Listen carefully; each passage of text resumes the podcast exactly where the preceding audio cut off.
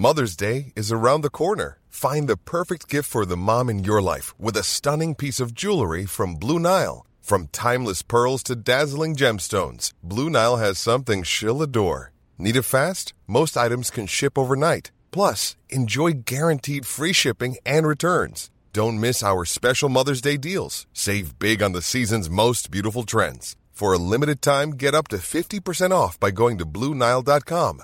That's Blue Nile.com.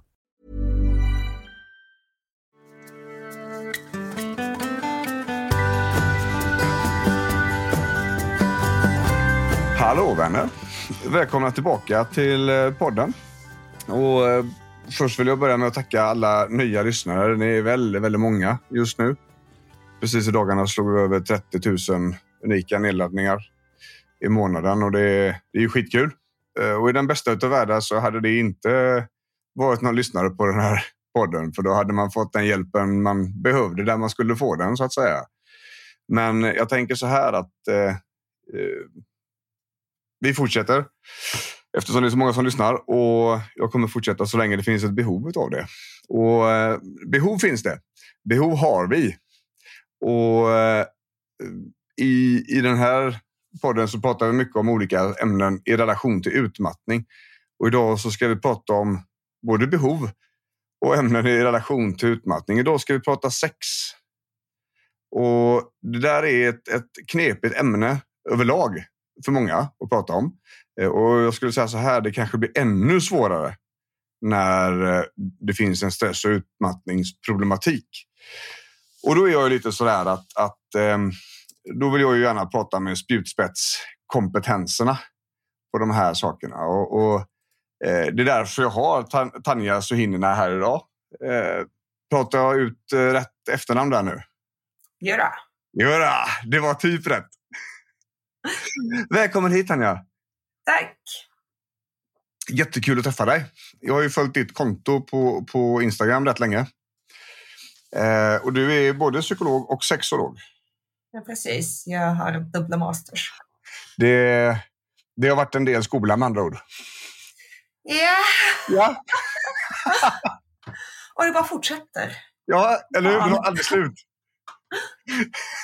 Men du, Mm. eh, du jobbar ju med, med eh, eh, sex och samlevnad och, och på olika sätt eh, till vardags. Precis. Har du- ja, en- Har du Eller lust att berätta lite till lyssnarna? Liksom? ja, absolut. Och bara lite om mig. Jag är psykolog i grunden, så jag har jobbat väldigt mycket vårdcentral. Det här med stressrelaterat dåligt mående är ett väldigt bekant tema för mig på det sättet. Och nu för tiden jobbar jag i egenmottagning där jag möter individer, par, fler än par för olika sexuella problem eller relationsproblem framför allt. Mm. Eller så är det personer som egentligen har ganska vanlig problematik som s- depression och sådär. Men kanske har lite ovanlig sexualitet och orkar inte förklara det här för en psykolog på vårdcentralen. De vill ha någon som på förhand förstår kink och BDSM och flersamhet och sådär. Är, är det, har, har besvären ökat även hos dig, alltså hos dina patienter? Har du mer att göra nu än tidigare? Oj, mer att göra? Nej, det är väl inte riktigt... Jag har väl jobbat tillräckligt för att märka så här stora mönster, nej. Ja. Sen är jag också helt privat och det innebär också att någonstans så är det, man kan inte riktigt se hur mycket besvär det är och hur mycket är det bara vilka har ont just nu. Tyvärr. Det, det är lite så. Det är, samma, det är samma hos mig. Eh, och jag tänker så här. Eh, om man pratar om, om eh, sexualitet överhuvudtaget i relation till, till eh, stressproblematik. Vad är det du ser liksom som eh, ska vi säga, huvudsakliga besvären hos dem du träffar? Eh, Jag träffar väldigt sällan personer som söker för specifik stress, men många har ju haft det i bagaget och det har kanske påverkat deras sexliv förut. Mm. Men generellt skulle jag säga att det, det finns väl två stora grupper i princip. De allra, allra, allra flesta eh, får mindre sexlust. Att man inte är lika sugen, att man inte orkar med sex. Sex blir så här en till grej som behöver göras. så sex blir liksom mycket mindre kul och Mm. En del personer får ju tvärtom lite högre sexbehov eller sexintresse för att det är deras stora sexstress. Eh, Mm. Mm. så deras stora sätt att eh, varva ner. Mm. Så ibland kan det verkligen vara ett så krock i till exempel ett par om båda är jättestressade och den ena vill ha mer sex för att slappna av och den andra vill inte se sex som koncept överhuvudtaget. Nej. Var, var, om det nu, vi säger så här att lusten har försvunnit, och, eller sexlusten och, och den här driven nästan är borta. Var, ska man se det som ett problem eller, eller ska man låta det vara? Eller hur tänker du med, dem, med den biten? Jag tänker att det beror lite på varför man blev stressad, vad är det som hänt och hur, mycket, hur viktigt sex är för en själv. Mm. För många människor är sex kanske sådär, ja men det är nice när det finns men det är inte prio ett i livet, det är inte det som är den stora livsgnistan. Mm. Men för vissa personer är sex verkligen den här stora livsglädjen och att förlora sexet är väldigt jobbigt i sig. Och för de Mm. personerna vill man kanske börja jobba lite mer med sexuell njutning och att hitta tillbaka dit för det är där de kommer få energin, det är där de kommer få orken och livslusten igen. Mm. Medan för vissa personer är det kanske någonting man inte ska behöva tänka på som prioritet. Det är kanske andra saker som de får livsgnistan ifrån och då ska man inte kasta sextvång på dem. Nej, just det. Eh, Jag tänker att jag tycker uppenbarligen sex är väldigt viktigt i och med att jag jobbar med det. Men jag tycker att vi i samhället pratar om det lite så för jämnt. Vi pratar som att ah, men typ alla är ganska intresserade. Mm. Och det stämmer inte. Vissa är jätte, jätte sexuella, för vissa är sex verkligen extremt centralt.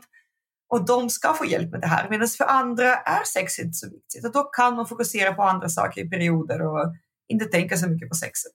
Mm. Så att är, är det... När man jobbar med de här sakerna och och har alltså, problem med det sexuella, där, brukar du vilja ha paret tillsammans hos dig? Eller har du personen som, som har besväret hos dig?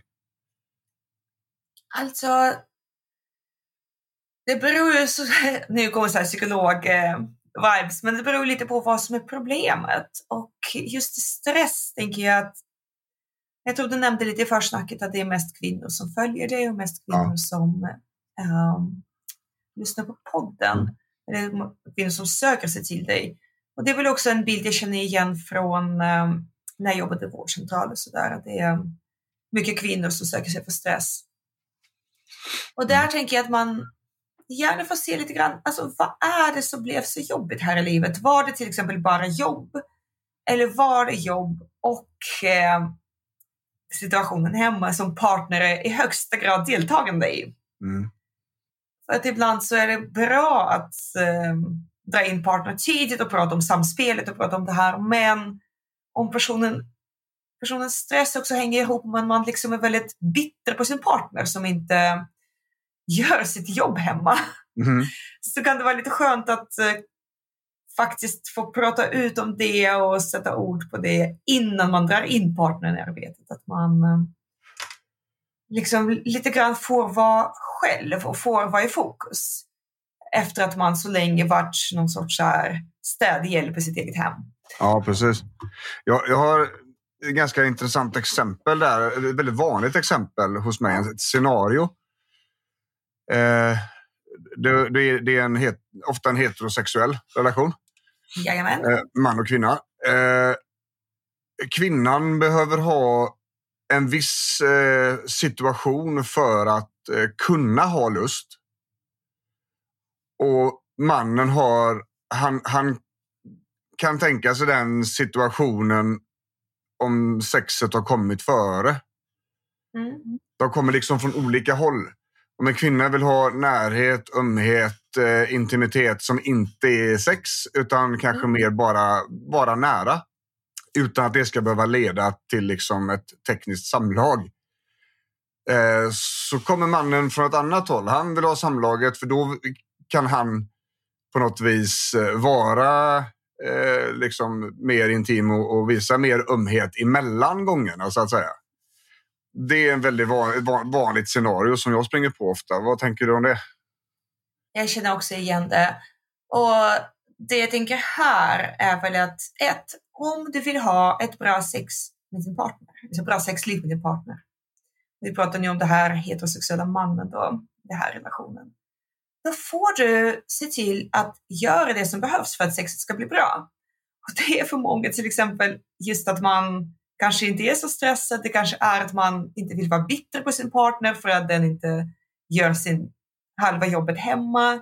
Det kanske är att man inte vill ha barnen klingandes på sig hela, hela, hela tiden för att eh, man har lite svårt att växla mellan mamma och älskarinna. Och dessutom så är det lite svårt att önska fysisk närhet när det klängs på en hela tiden. Mm. Folk vill någonting från en hela tiden. Sexualitet handlar ju för många om att jag vill ha dig, måste ha dig. Och det är ofta väldigt sexigt för människor. Men mm. det är inte så jättesexigt om det enda som händer i livet är att folk vill ha någonting från en. Så jag tänker att den mannen uh, han borde förmodligen redan innan tänkt på det här och funderat på hur man fixar ett bra sexliv. Mm. Och såklart så är det väl också så att eh, för den här kvinnan så är det också bra att ha reflekterat innan så här, vad behöver jag för omständigheter för att kunna ha sex och liksom försöka få till dem. Men jag tänker att det är väldigt svårt att jobba med den situationen om man bara ser det som här och nu. Man behöver faktiskt också se hur man kommer dit och liksom ja. snurra tillbaka den här spiralen lite grann. Och, och se vad har båda gjort för att bidra till situationen. Just det. Och, och jag tänker så här också att, att eh, både den egna reflektionen över hur man själv är och hur man vill ha det. Eh, men, men, också ska vi säga, situationen överlag. Eh, hur ska det vara i förhållandet? Vad är det, hur ska vi göra det här tillsammans? Liksom? För jag, jag tänker att när det gäller stress framförallt, stress och utmattningsproblematik, så är ju det, det är ju väldigt sällan någonting som bara smäller till. Yeah. Det, det kommer ju inte från, som blixt från klar himmel, utan det har varit dåligt länge. Yeah. Nästan alltid.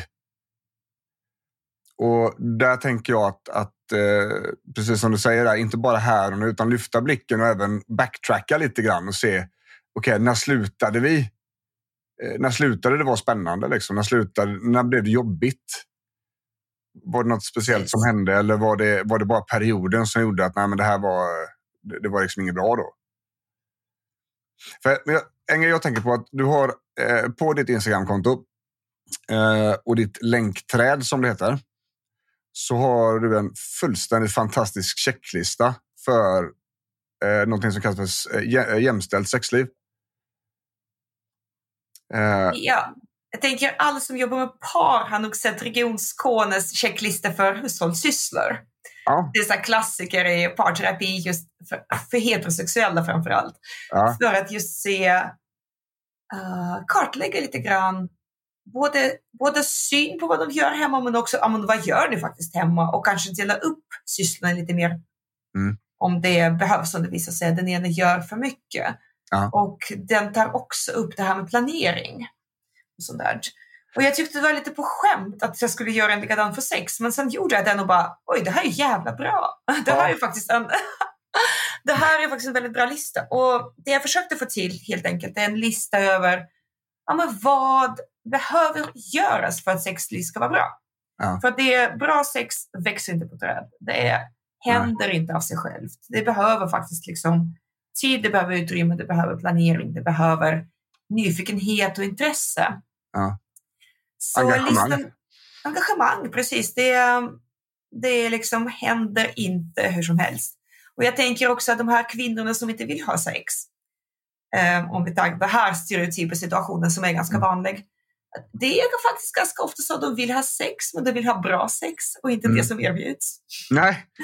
Och då, och då får man ju liksom också eh, jobba på att faktiskt erbjuda sin partner sex som är kul för henne och inte bara liksom tjata om kan vi snälla göra någonting som är kul för mig. Ja. Men i alla fall, den listan innehåller både saker som att eh, eh, vad ska man säga, anstränga sig för att ens partner ska njuta eller anstränga sig för att man själv ska njuta. Men det innehåller också saker som att se till att partnern har tid att orka att vara sexuell och se till att man själv har tid att orka vara sexuell. Och det tycker jag den är så här i efterhand eh, bra just för att den tar upp båda de här rent konkreta sexgrejerna. Ja, men liksom, är du beredd att uh, anstränga dig lite för att din partner ska komma? Men också det här runt omkring. Är du beredd att anstränga dig för att ni ska ha bra relation? Är du beredd att anstränga dig för att din partner ska vara utvilad? Så uh, jag tänker att uh, den kan väl, alltså precis som Region Skånes lista kanske hamnar lite grann att båda sitter i skyttegrav och säger att du har gjort fel. Men om man använder det bra så märker man att eh, man använder det kanske med en terapeut också och mm. inte bara tillsammans. Så blir det väldigt bra kartor till vad är det man ska göra för att få sexet tillbaka och för att sexet ska funka bra. Mm. Och också att man, man ser vart är problemen. Ja. För det tyckte jag var en av de stora grejerna med den. Att eh, eh, väldigt eh, smarta kategorier där man då får skatta eh, från 0 till 0, 1, 2, 3 för jag eller mig och så 0, 1, 2, 3 partner då. Och då går det ganska lätt att se, tänker jag, vad, vad har vi liksom bristen här? Ja. Och då tänker jag så här, ett sånt här... Ett sånt här ja, kör, kör. Nej, det är också bra att se om man har samma syn på saker. Mm. För att ibland så stämmer det överens väldigt bra och ibland mm. så märker man att ja, men båda parter tycker att den andra inte gör någonting och man själv gör allt på någon viss skala. Mm. Man pratar lite om det. Mm. Och, och, det är just en, en, en, fråga som jag har där. Hur du, hur du tycker att man ska rent, eh, ja, nästan rent praktiskt ta upp de här problemen med sin partner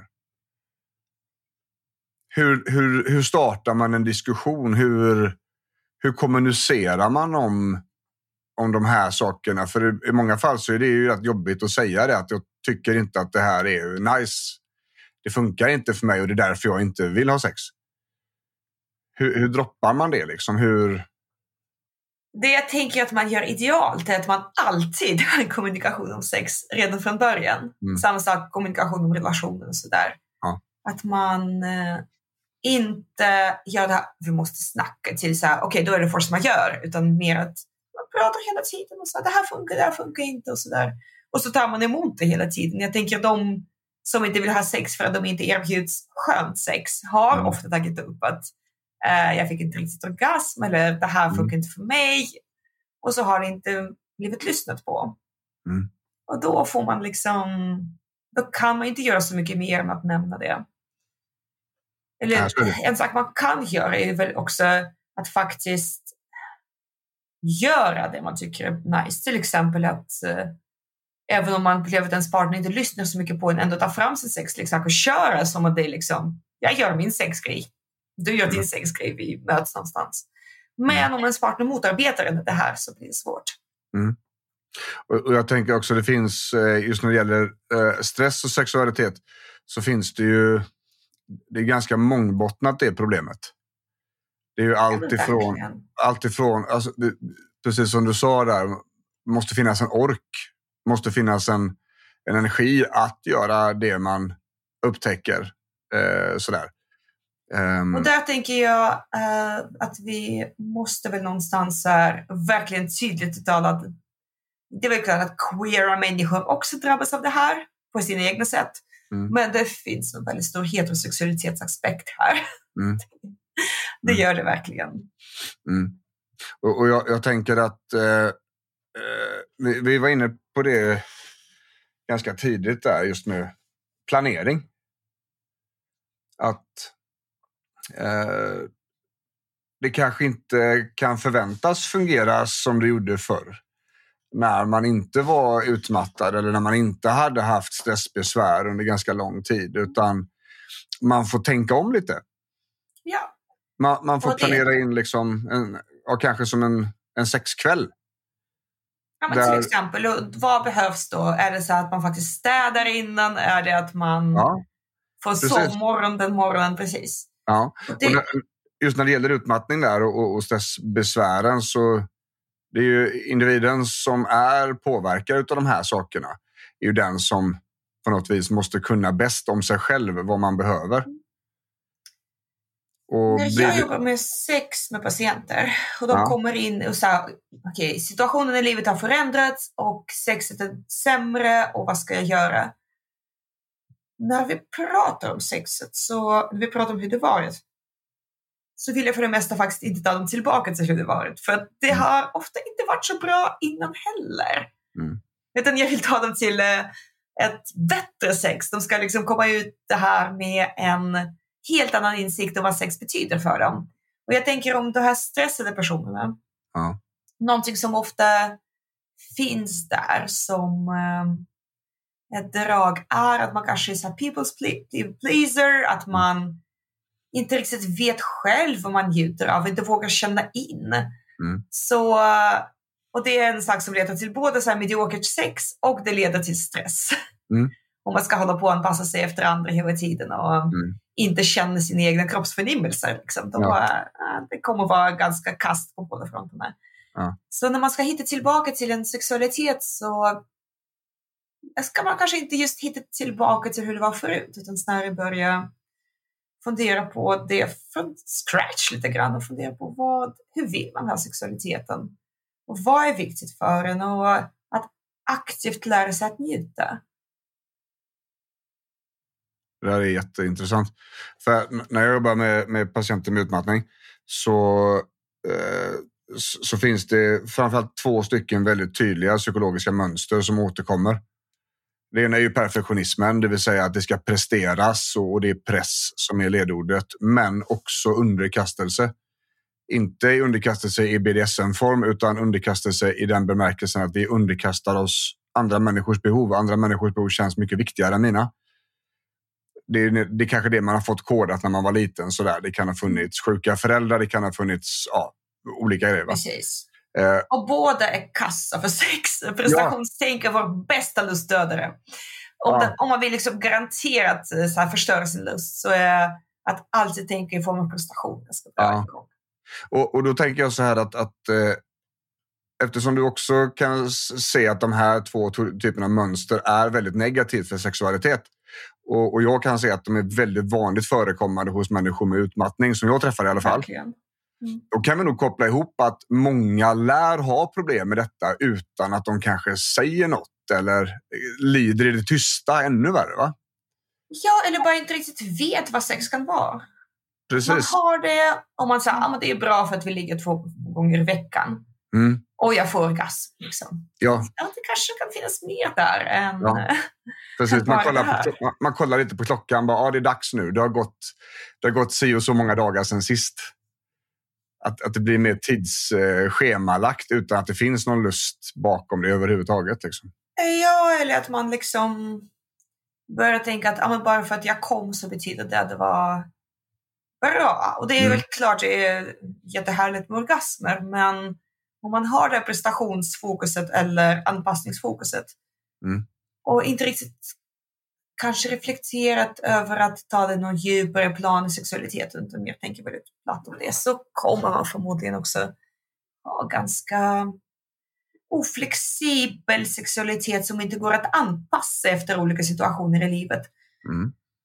Det, det största liksom, faktorn för att ha ett bra sexliv hela livet är att man är flexibel i sin sexualitet. Att man eh, inte liksom kör på på exakt samma sätt utan är öppen för att okej, men vi är trötta idag. Ja, men då kanske vi onanerar bredvid varandra och så här viskar om sexet. Så. Mm. Eller liksom, okej, vi är... Jag har eh, väldigt ont i kroppen, jag orkar inte riktigt med sex. Ja, men det kan ändå finnas en sens- sensualitet i massage och kanske att partnern hjälper till med en vibrator. Mm. Eller liksom, man har inte riktigt den här flexibiliteten som gör att man inte tappar sexet när livet förändras. Nej. Men eh, för att ha den här sexualiteten, flexibiliteten så måste båda partners vara intresserade av varandra på, på riktigt, på djupet sexuellt. Ja. Intresserade av sig själva på djupet sexuellt. Och det är många som inte är. Och då blir man också väldigt inflexibel och hamnar i de här låsningarna när man inte hittar till, okej men hur funkar sex idag? Med den Ja. kroppen jag har idag. Ja, det är jätteintressant. Eh, och, och jag, jag tänker att, att att eh, det blir som två olika eh, vinklar där på problemlösning. Ena, ena vinkeln är ju att eh, faktiskt eh, lägga tid på att upptäcka sina egna behov. Och lära sig det. Och in, inte bara sexuella behov utan överlag. Och våga, ja. Våga uttrycka det. Jag behöver detta för att jag vill ha detta. Ja, och skilja verkligen på behov och att man bara vill någonting. För att mm. det, det behöver inte vara ett så viktigt behov för att man ska säga att ah, jag är sugen på det här. Nej. Man ska kunna lyssna på även de här njutningsimpulserna som bara handlar om det vore nice. Liksom. Ja.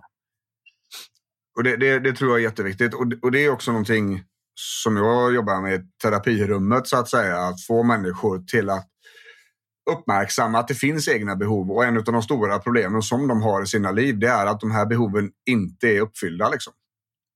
Eh, att man, man tillbringar hela sin tid med att uppfylla alla andras behov. Så att du får liksom inte ut det du behöver utav vardagen och livet för att kunna må bra. För att all, allt engagemang ligger någon annanstans än hos dig själv. Och den andra delen jag tänker på i det här, det är just eh, eh, energin, orken kopplat till lust.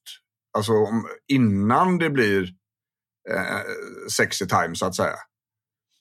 Där tror jag väldigt många Eh, i alla fall utav lyssnarna och, följarna så är idag.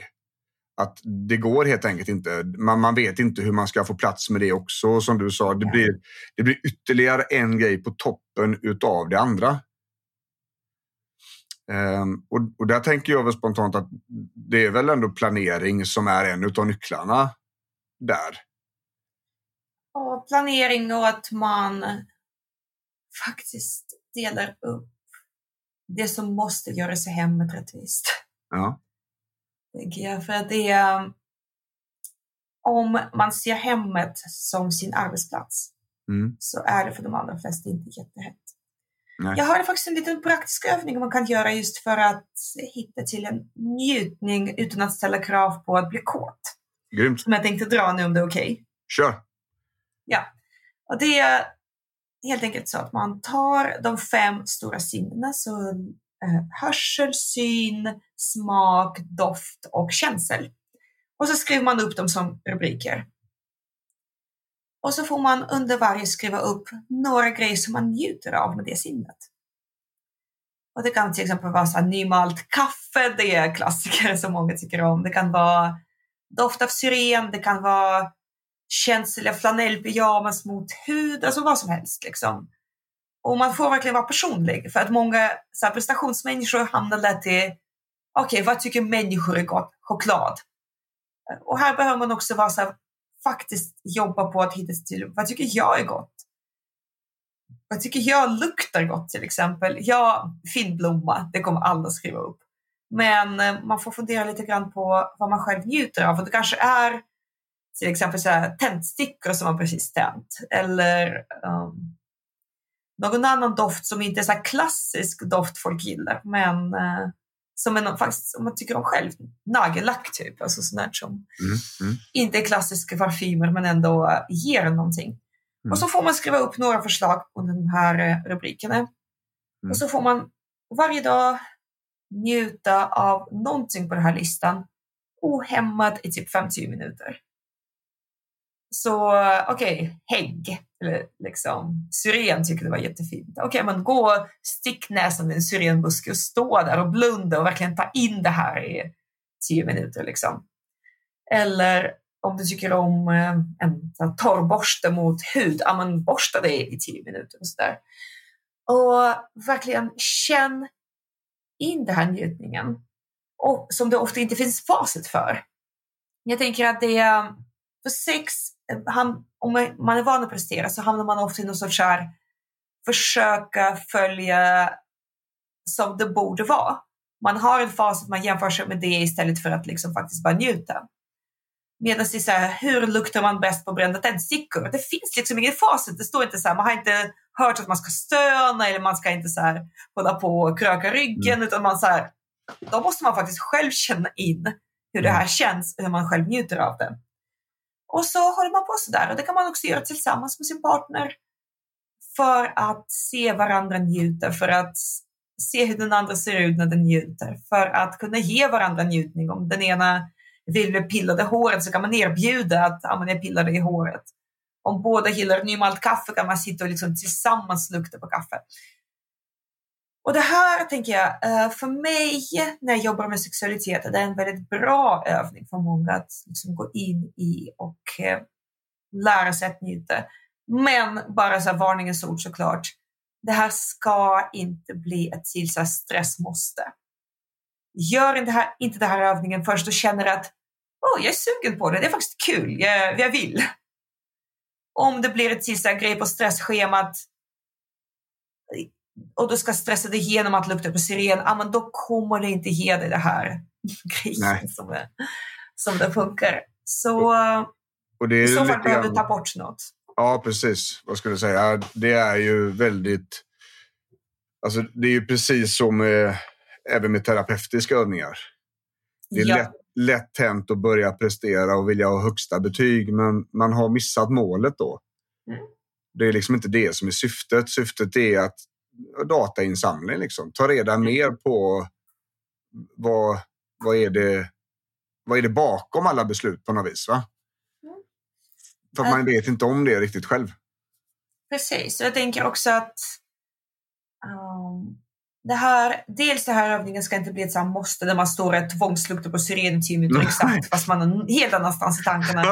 ja. Men det här kan vara en väldigt bra grej um, där ens partner faktiskt hjälper till och visar att om man tidigare haft svårt att lita på att ens partner bryr sig om ens njutning eller bryr sig om att man ska få slappna av lite då kan partnern steppa upp lite och visa att okej, okay, du gillar ljudet av köksskram eller att någon håller på att laga mat i köket eller någon håller på att diska i köket.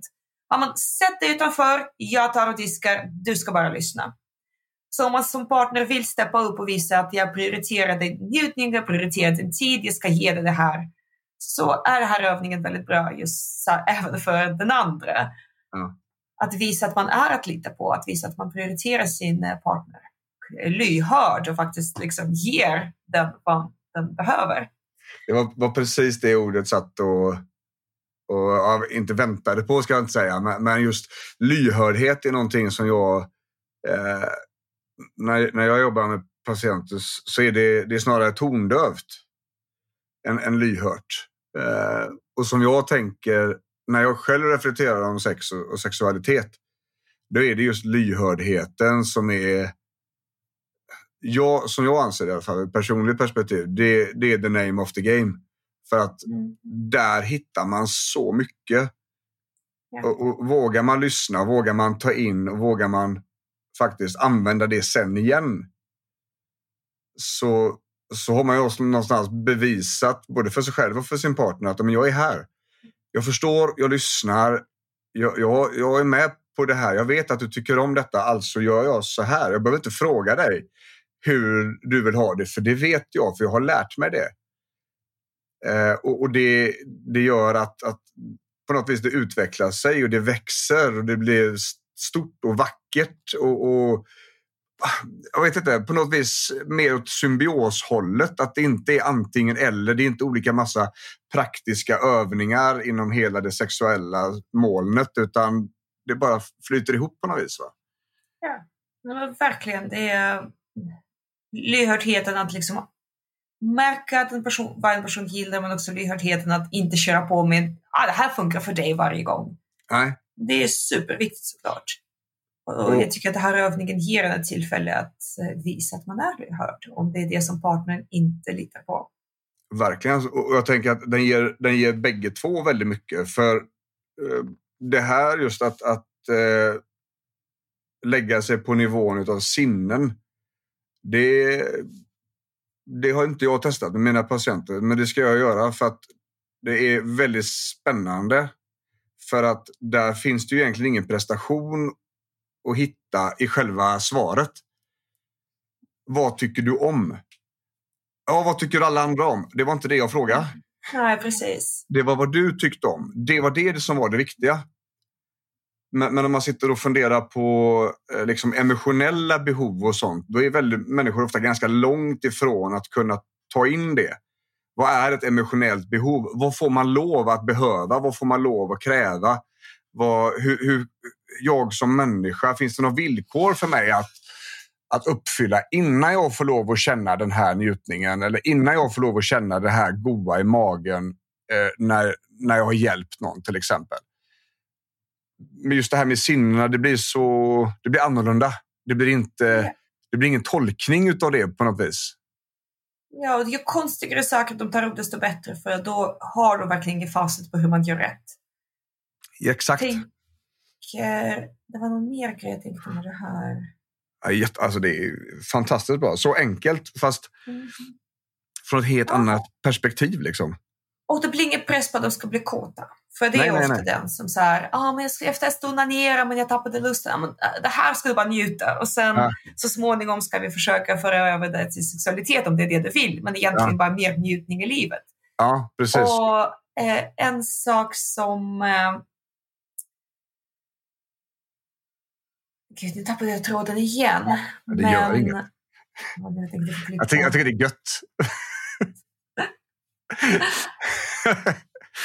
Eh, sinnen, vi pratar om, eh, ja, vi pratar om behov. Sinnen, vi pratade om behov. Ja, alltså en sak som eh, den här övningen också hjälper till är att Okej, okay, du tycker om att lukta på syren. Hur vet du att du tycker om det? Man får leta lite så här, ja. leka kroppsdetektiv. I samman, hur vet du att det här känns bra? Ja. Hur känns det i magen? Hur känns det i bröstet? Hur är andningen?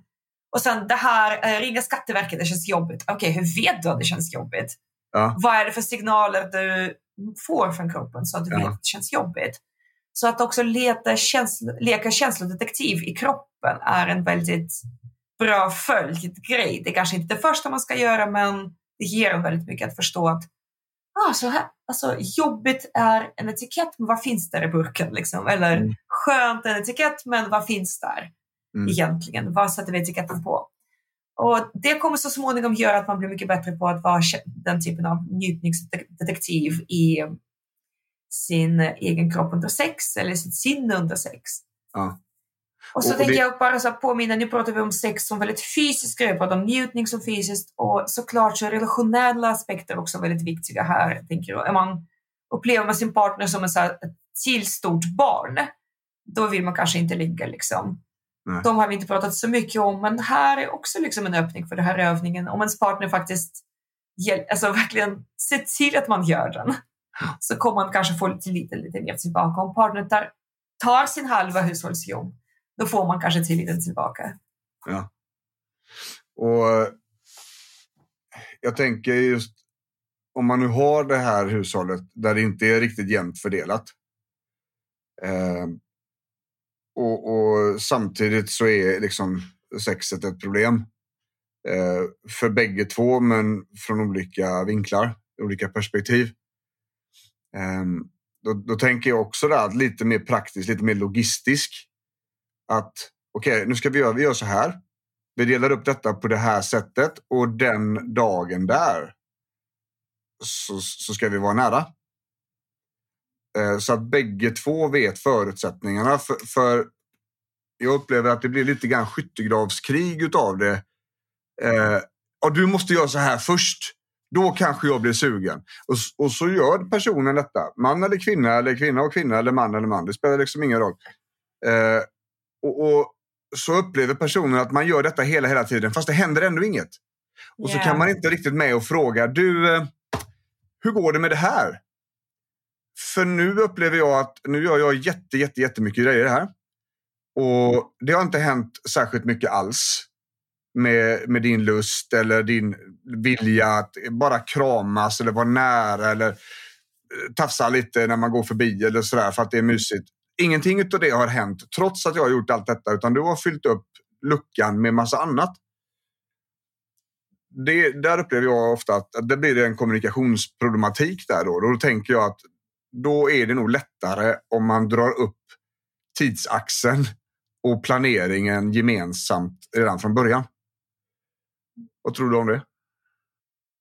Ja, ja jag känner väldigt mycket igen det här automattänket. Nu har jag lagt in att jag städar badrummet, nu får jag ett sex, eller hur? Ja. liksom. Eller nu ska du bli glad, eller hur? Och det, man måste också förstå att om personen är så pass stressad att det gått lång tid ja. så kommer det också ta lite längre tid att snurra tillbaka.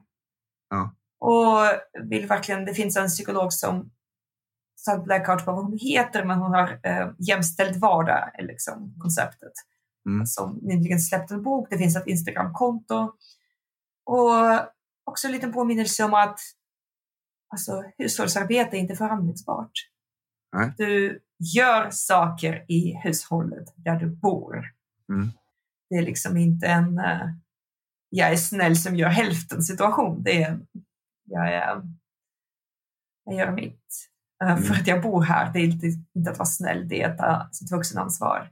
Jo. Och man ska inte riktigt se det som att man lägger in någon mynt för att ens partner ska vara glad. Det är bara, det är bara att göra. Ja, ja. Jag, jag, det tänker jag också. Det är sunt förnuft liksom. Ja, och, och det egentligen ingenting. Det alltid. Nej, det ska jag lova dig. Ja. jag, jag, tänker så att det är lätt att fastna på det där manligt och kvinnligt i ett hushåll, men mm. trots allt så är det två vuxna människor som bor under samma ja. tak. Ja. Bägge två behöver ha ordning och reda. Bägge två behöver ha mat. Bägge två behöver ha liksom, hygienfaktorer på plats. Bägge två behöver avkoppling. Eh, liksom sådana här saker. Det är inte antingen eller. va? Ja, och finns det barn i hushållet så är det verkligen prio.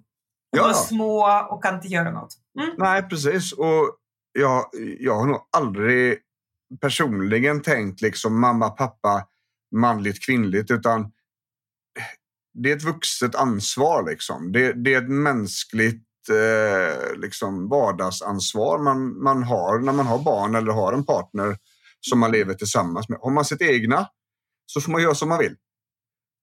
Men... Precis, det är min lösning på situationen. Ja, ja Men... jag förstår vad du menar. Och jag tänker bara som att nu har vi liksom pratat väldigt mycket om att eh, på något sätt så här, vill du ha sex så får du ta ansvar för hushållet och sånt där. Men mm. också en påminnelse om såklart ett gemensamt sexliv. Eh, att ta ansvar för det är också att faktiskt fundera på hur ens egen lust fungerar, att kommunicera om sex, att läsa på om sex, att utveckla sexuellt. Det är också en del av självklart ansvar för ett gemensamt sexliv. Ja. Men nu pratar vi liksom i sammanhanget stressproblematik. Absolut. Och då kommer det inte funka så bra förmodligen om man börjar från den änden. Nej.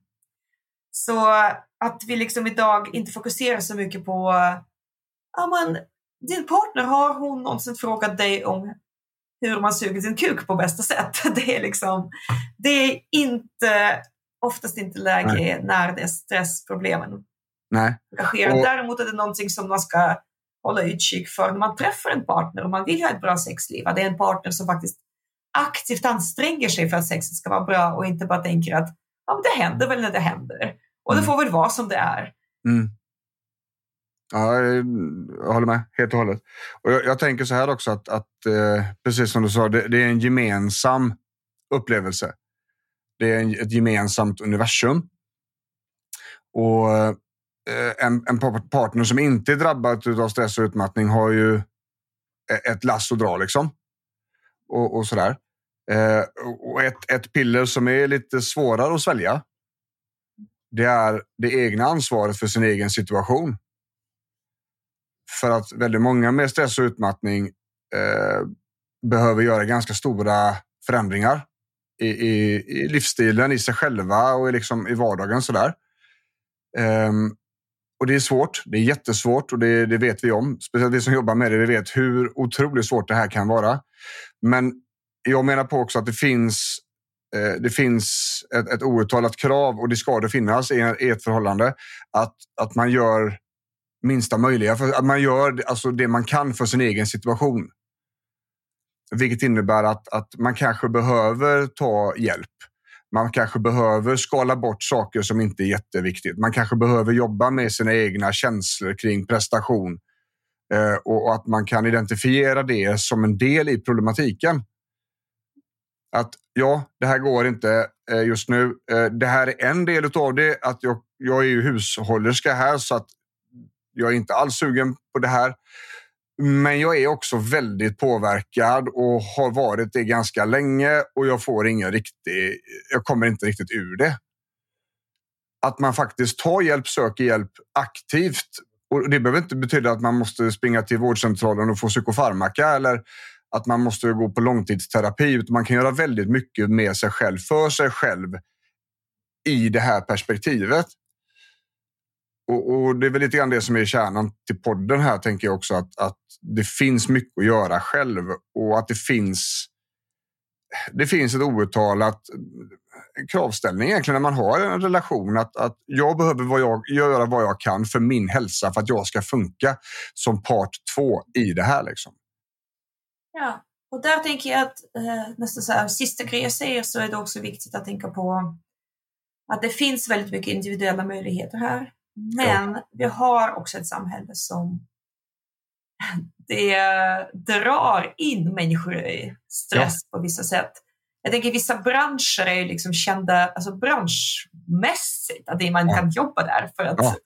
Det är att man tänker förskola, liksom. det, är, det är inte så att man ska bara byta jobb till en annan förskola så löser det sig. Utan det Nej. är ett problem som finns på väldigt många förskolor. Och samma sak med tänker jag, heterosexualitet. Att uh, man kan verkligen skrika hur mycket man vill om att man ska hitta en jämställd partner. Och, och det är faktiskt det är väldigt många saker som drar åt det hållet att det blir mamman som tar ansvar för barnen eller att det blir att det är lite lättare för män att se dammsugning som en eh, möjlighet och inte en självklarhet. Liksom. Mm. Mm.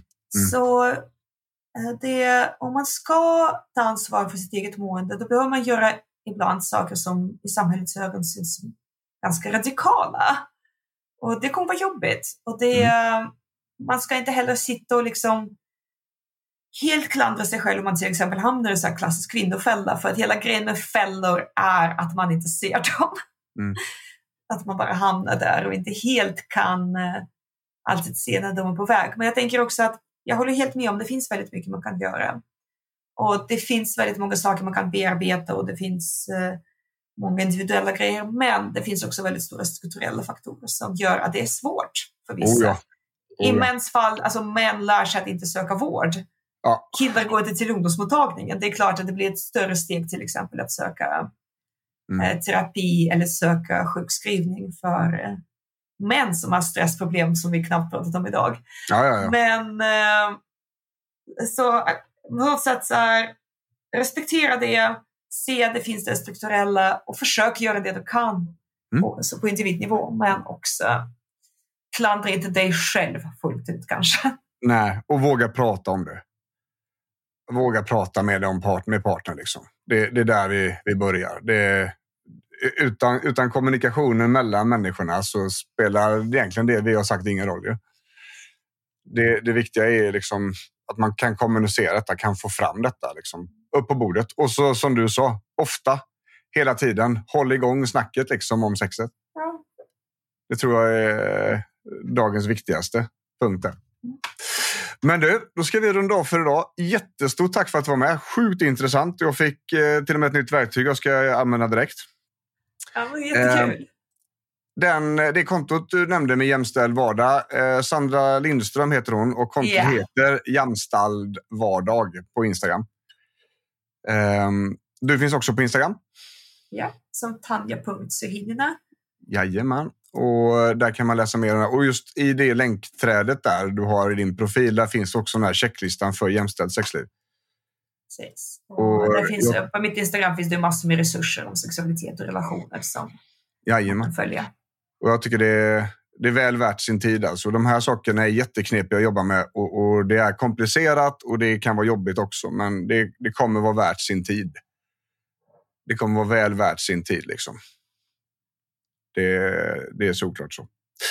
Men bra. Men du, eh, stort tack för att du kom till mig idag. Eller ja, du är ju det är på distans. Det är det som är så skönt med internet efter corona. Folk... Ja, verkligen. Ja. ja.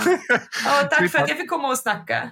Ja, men det lär vi få göra igen, tänker jag. Det här, eh, det här finns ju hur mycket som helst att, att prata om och göra och, och grejer. Va?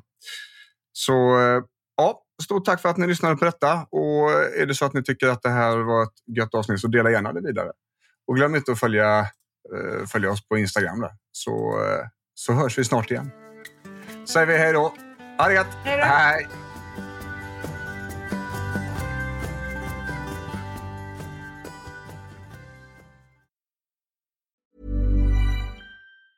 Hey, it's Danny Pellegrino from Everything Iconic. Ready to upgrade your style game without blowing your budget? Check out Quince. They've got all the good stuff shirts and polos, activewear, and fine leather goods, all at 50 to 80% less than other high end brands. And the best part?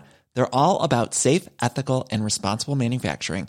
Get that luxury vibe without the luxury price tag. Hit up quince.com slash upgrade for free shipping and 365 day returns on your next order. That's quince.com slash upgrade.